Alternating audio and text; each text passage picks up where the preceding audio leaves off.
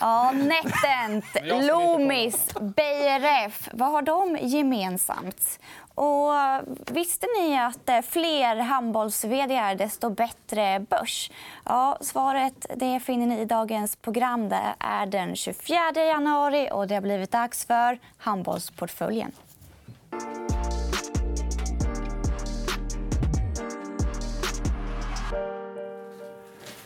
Ja, det är klassisk mark. Så här i Börslunch upplopp så återvänder vi till Erik Springhorns legendariska handbollsportfölj som du presenterat några gånger genom åren. Ja. Ja, härligt. Med oss har vi en annan handbollsspelare. Som...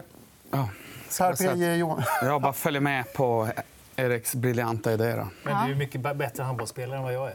VAR. Be båda oss betoning på VAR. Ja.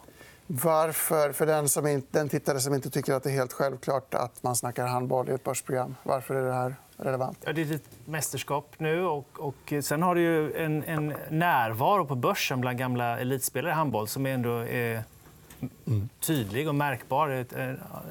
Upp till ett dussin handbolls på börsen. Ja, de ska titta närmare på alldeles strax.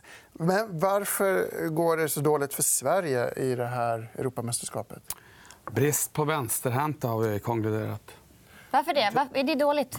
Det är dåligt. Man har ju lite, man behöver, eh, några spelare spelar längst ut på ena kanten. Då är det bättre att vara vänsterhänt än högerhänt. Och Sverige tog inte ut så många. Och de som de hade blev skadade. Så att det är coach miss. Mm. Men jag tycker, eh, vi får anpassa våra förväntningar. Jag tror att vi båda frustrerade, besvikna och har lidit under flera av matcherna. Men, men man ska ju hålla, hålla sig i skinnet och tänka vad har vi för förväntningar egentligen. Och 7 8 i EM det var väl ungefär vad en trupp som deras skulle kunna förväntas prestera, om man ska vara krass. Vi hade faktiskt en handbollsspelare här i studion häromdagen. Och vi var tvungna att fråga honom vad som utmärkte handbollsspelare och varför de fostras till goda ledare. Så här lät det.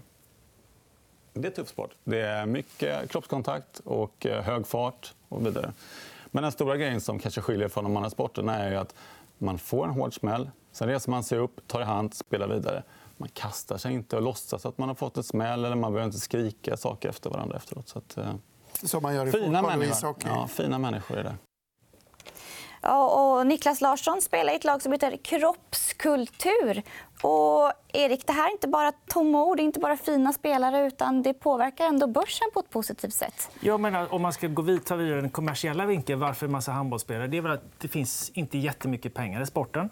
Eh, så att man, man är på något sätt tvungen att tänka på sin vidare eh, karriär och utbilda sig. och så vidare. Och så, det är en kallar det young man sport. Man blir rätt skadad. Många blir skadade ganska tidigt och det blir naturligt att man söker sig utbildning, näringsliv, karriär och så vidare. Vi kan väl titta på den första bilden du har med dig. Det är en extremt bra bild som du har satt ihop. Vad är det vi ser här?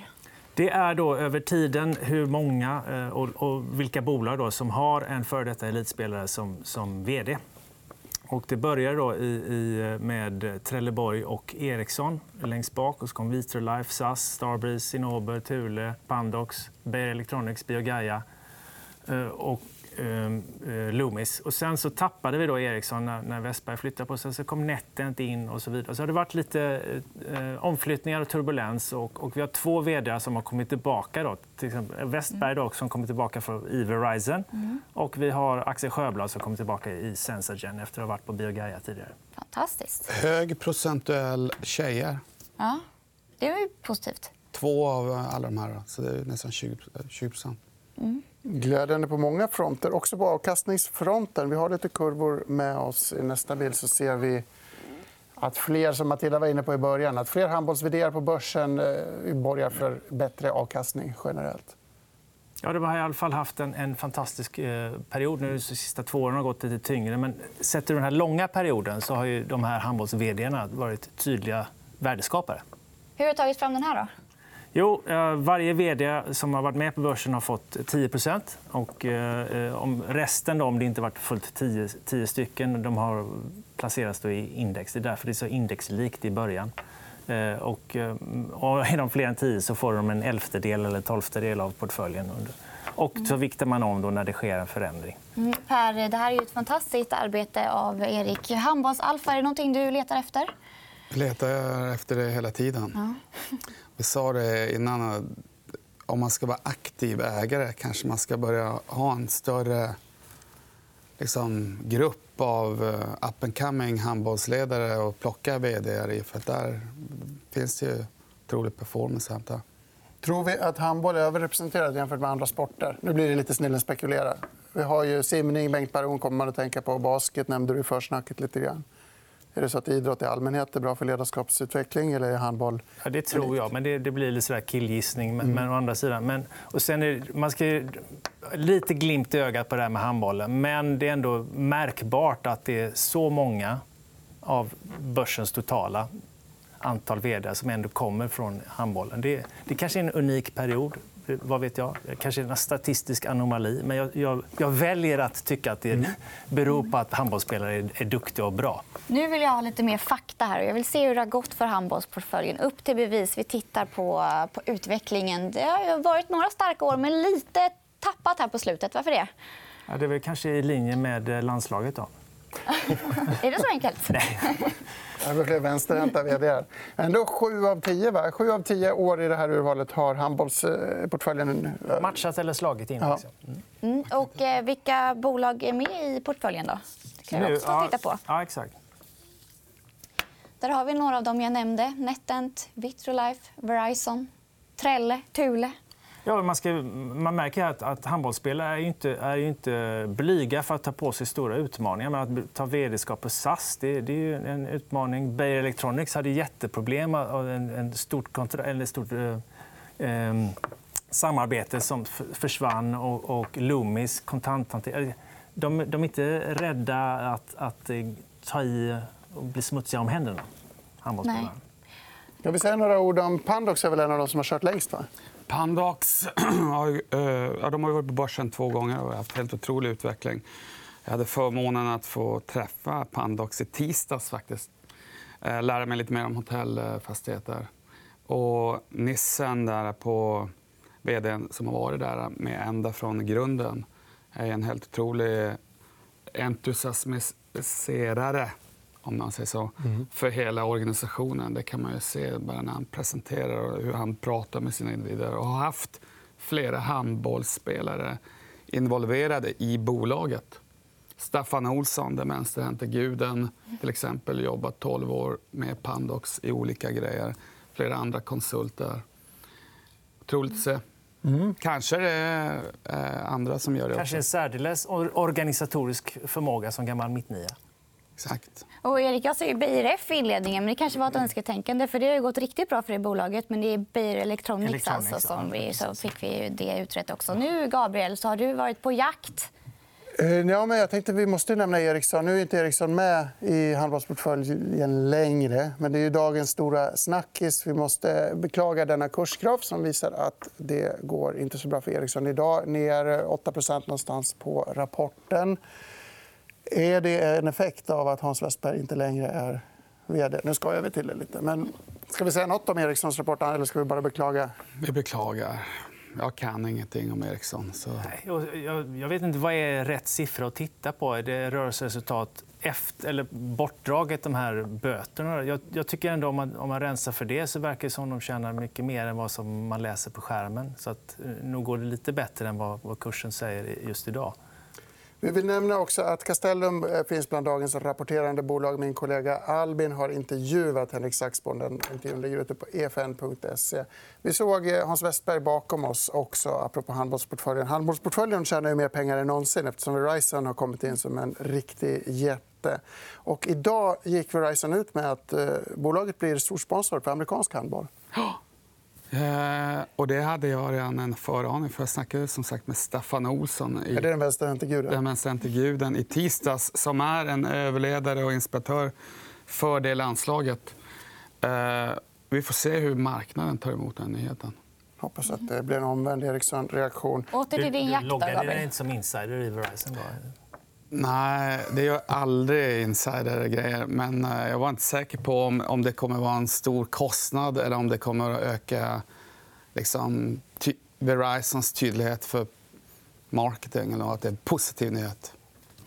Positiva nyheter. Eh, vi nämnde två dåliga nyheter. också. Nokian Tires vinstvarnade och eh, Kabe, husbils, eh, eh, husvagnstillverkaren, också vinstvarnade. Men vi vill också säga att vi har sökt Hans Westberg för en kommentar kring den här ledarskapsdynamiken. Han är upptagen med Davos-toppmötet. Däremot har vi en annan handbollsspelande börs på tråden. Axel Sjöblad heter han, vd för Sensagen. är med oss på telefon från Lund, misstänker jag. Hör du oss, Axel? Hej, hej. Ja, jag hör er mycket bra. Tack för att jag får vara med. Då. En speciell dag i semifinaltider. Erik Sprinkorn har första frågan. Ja, låt oss hålla oss lite seriösa. Vad, vad, hur, hur går det på Sensagen? Vad, vad, får du någon nytta av dina eh, handbollskvaliteter på jobbet? Ja, jag tycker det, det, har varit en fin start för mig. Jag började ju i juni förra året. Och under hösten så tog vi in 106 eh, eh, miljoner kronor. Och nu är vi mitt i kommersialiseringsfasen. Och Sensagen har ju tagit fram en djurfri testmetod. Den är baserad på genomik och maskininlärning för att identifiera ämnens förmåga att framkalla allergier. Så vårt mål är ju att både ersätta djurförsök och samtidigt erbjuda en snabbare och träffsäkrare testmetod. Så det är ett jätteintressant område för mig att jobba inom. Kanon. Mm. Min fråga skulle följa på det här med ledarskap. Det som vi spekulerar i, jag och Erik, som egentligen aldrig varit på den hö absolut högsta nivån som du har varit. Kan inte du skjuta in lite... Är handbollsspelande eh, en eh, viktig ingrediens för ledarskap? och Hur har det påverkat inte bara dig, men de du har sett runt dig genom åren? Eh, är det så att du tycker att det verkligen finns någonting att eh, ta på där? Ja, det tycker jag. Men det gäller inte bara handbollen för mig utan också de andra lagidrotterna. Och, och där tycker jag att där fostras det goda ledare. För att växer man upp i den här miljön och framförallt om man tar sig hela vägen till yppersta eliten så, så får man både förståelsen för att leda i grupp och jobba genom andra Eh, samt givetvis eh, att man har med sig det här med att sätta mål och jobba mot målen och den drivkraften som kommer med det. Och, och sen kan jag väl också lägga till vad gäller handbollen specifikt att många i min generation där vi visste också att vi skulle inte bli miljonärer på vår sport. Så att det var viktigt att, att kombinera idrotten med god utbildning och det har man ju såklart glädje av senare. Mm. Får jag runda av med en sista fråga? PJ var lite inne på att det går dåligt för svenskarna i handbolls-EM därför att det är för få vänsterhänta. Delar du den bedömningen eller har du någon annan reflektion över Sveriges eh, resultat i turneringen så här långt? Nej, men man kan ju helt klart säga att alltså, utan en vänsterhänt högernia i handboll så tappar man ju helt klart en dimension i spelet. Och det kan ju också vara vettigt för alla yngre handbollsspelare att veta att man har en klar konkurrensfördel om man är vänsterhänt. Då kan man komma högre än om man är högerhänt eh, och har samma talang.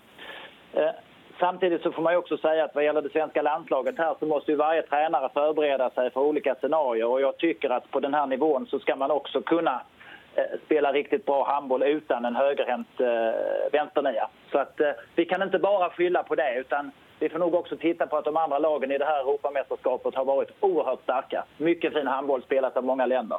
Mycket bra att få dina insikter här. Axel Sjöblad, tack så tack mycket för att du var med oss. Tack så mycket för det. Och vi ska gå vidare och prata lite case också. Vi ska prata spelutvecklare. Och jag undrar, hur dåligt är det egentligen för spelutvecklarna om deras spel blir försenade? Ja, men det, det om handbolls-EM är ett tema just nu så är det ett stort tema att, att olika spel håller på att försenas hela tiden. Och då kan man fråga sig, är det, betyder det någonting? Är det värt någonting? Ja, Nintendo-grundaren, eh, som jag har glömt namnet på, men hans ord ekar i hela industrin att det är bättre att vänta och släppa ett spel tills det är riktigt bra än att släppa ett ofärdigt. Och det är lätt att hålla med om. Och du har några exempel. Vi börjar med CD Projekt. Har de eh, försenat sina spel? Ja, de har ett, ett, ett, spel som alla går och väntar på, Cyberpunk, som man nu alldeles nyligen, som vi ser här, då, eh, sköt på. Och, och då, det är knappt som en krusning på ytan i, i, i aktiekursen. Och det är rationellt. För de, låt, bara ett ex, teoretiskt exempel. Om ditt spelbolag tjänar 100 kronor per år så har du ett spel som kommer som kommer öka vinsten med 50 kronor. Alltså en jättegrej. Ja, istället för att släppa det år noll så släpper du år ett. Och så har du lite kostnader för att få, få, få det klart. så att säga. Diskar du hem det där på sju år, en eh, net present value, det är en skillnad på 2% Så det spelar egentligen ingen roll. Så aktiemarknaden gör ju rätt här. Och vi har fler exempel. På, vi har Paradox också. Ja, även de eh, försenade då, eh, eh, Bloodlines, eh, lite- eller sköter på tiden. Och inte heller där, det var i oktober. Inte heller där så ser vi någon, någon egentligen påverkan på aktiekursen. negativt, Utan tvärtom har det nu stigit väldigt kraftigt här på slutet. Men om vi bläddrar vidare till nästa graf så kommer vi till pudelns kärna. Och det är Ubisoft. Förstås en favorit som ni båda tycker om. Va? Ja, vi snackade innan eh, om finns det nåt bolag där vi båda har en rätt stor position där, som vi faktiskt tror på på lång sikt. eh, Och det eh, har varit bra läge i alla fall att kolla på den. Det är då Ubisoft, det franska eh, bolaget. Och där har marknaden tvärtom då, totalt blivit livrädd för att de har skjutit upp i och för sig tre spel. Då. Men ett blev lite, eh, hade de lite buggar i och var tvungen att ta hand om. Eh, Och då sköt de upp eh, lanseringen av tre andra och spel också. Då. Så att, Och det var lite guidance-sänkning. Och och det var guidance sänkte på årets nummer och man tror då inte på guidance för året efter och därefter. Så, så, så givetvis kan man se varför marknaden blir lite freaked out eh, när såna saker händer. Men den har blivit då ganska brutalt hanterad i aktiemarknaden. Och då fanns en chans att börja kolla på det här och börja liksom, vart kan Ubisoft vara på längre sikt? För de är faktiskt en av de tre stora, riktigt bra stora spelutvecklarna. Sjukt stort market cap, eh, franskt, eh, liksom, large cap och, och så. Då. Vad ser vi här då? Ja, här är då en liten, på samma tema så har du sett faktiskt att Ubisoft har haft såna här eh, på eh, övre vänstra charten så hade de tidigare också förseningar i spel. Och sen när de löser det så, så, så, så, så funkar resten. Så länge resten funkar också då, så, så blir det rätt bra till slut. Då. Givetvis att spelen är en hyfsad eh, success, eh, inte blir någon total disaster krävs ju då. Och så, och så ser vi då en sammanfattning av det vi snackade om på höger. Att nu har, det, nu har den då kommit ner rätt mycket. Ser den har gått ner 50-60 från toppen till botten. Vilket- vill man tro historiken då så kommer eh, kursen att eh, rekulera upp. Ja, om, det nu, om du går tillbaka till den där eh, charten, charterna nedan så ser du liksom hur den till höger är de, som, de, de eh, eh, spelen som de redan har haft under flera år där de skickar på nya eh, uppdateringar medan den andra tar med det plus ett gäng nya eh, releaser. Då. Så att det, det kommer hända väldigt mycket fast försenat då, de närmsta två, tre åren för det här bolaget. Erik, när jag ser den här grafen då tänker jag på spelarna i kroppskultur som blir nedslagna och reser sig upp igen. Rimlig... Nej, men vi, vi har kikat på, på uh, Ubisoft jättelänge och känner dem hyfsat väl och kollat på dem i flera år. Och jag ska inte säga att vi satt och väntade på något sånt här, men när vi väl fick se det här och den hade gått så dåligt även innan, då, då, då var det mycket enklare beslut att, att plocka på sig. Då. Och vi har varit ännu tuffare. Så vi har aldrig ägt något. Vi har suttit och kollat på alla de här bolagen i, typ i, tre, i tre år och fick till slut chansen att köpa vårt första. Jag har följt dem länge. Du har en bild med lite triggers, tror jag. Nästa. Förklara vad vi ser här. Ja, den här är inga egentligen trigger. Det är bara liksom hur, hur, hur de åker på en smäll då, kortsiktigt. Ja, Men det. över tid så ser du liksom, det finns några triggers kortsiktigt men några långsiktigt. Att eh, de här mobila revenues som procent går upp och de har mycket högre marginaler och liknande. Här försöker vi bara sammanfatta en någon slags värdering. Att få den här bara tillbaka sin normala värdering men du går ut två år, eh, ett, två, tre år i tiden så kommer det finnas brutalt, brutalt uppsida. Men då har jag egentligen bara en fråga. Vad har Ubisoft för handbollskoppling? Ja, min långtidsprognos på tio, inom tio år så kommer eh, vd för Ubisoft att heta Karabatic i efternamn. Vem är det då? Ja, det är en legendarisk... eh, Det är två bröder faktiskt som är, var hur bra som helst eh, i franska landslaget. Är du också inne på det spåret, Per?